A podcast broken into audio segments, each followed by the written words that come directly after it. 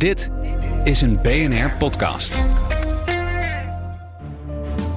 Sinds de Russische inval in Oekraïne is Europa veranderd.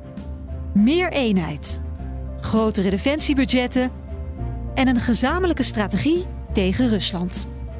I had no idea what was coming up. Uh, of course, we saw the problems in, in Ukraine already then, but but Finland joining NATO, I never believed it would happen uh, until yeah spring of uh, 22. Everything changed really quickly. Vooral Oost-Europa ervaart de praktische kant van de Russische dreiging. Want wie weet wat Poetins einddoel is.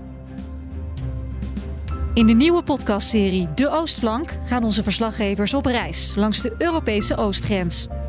Ik uh, zit nu gewoon in een bootje in het rivierengebied, de Evros, de grensrivier tussen Turkije en Griekenland. Ze bekijken hoe de zaken daar veranderd zijn. Op het gebied van veiligheid, defensie, vluchtelingenbeleid, politiek en natuurlijk ook economisch. De Oostflank. Vanaf 5 februari in je favoriete podcast-app. Abonneer je gratis en mis geen enkele aflevering.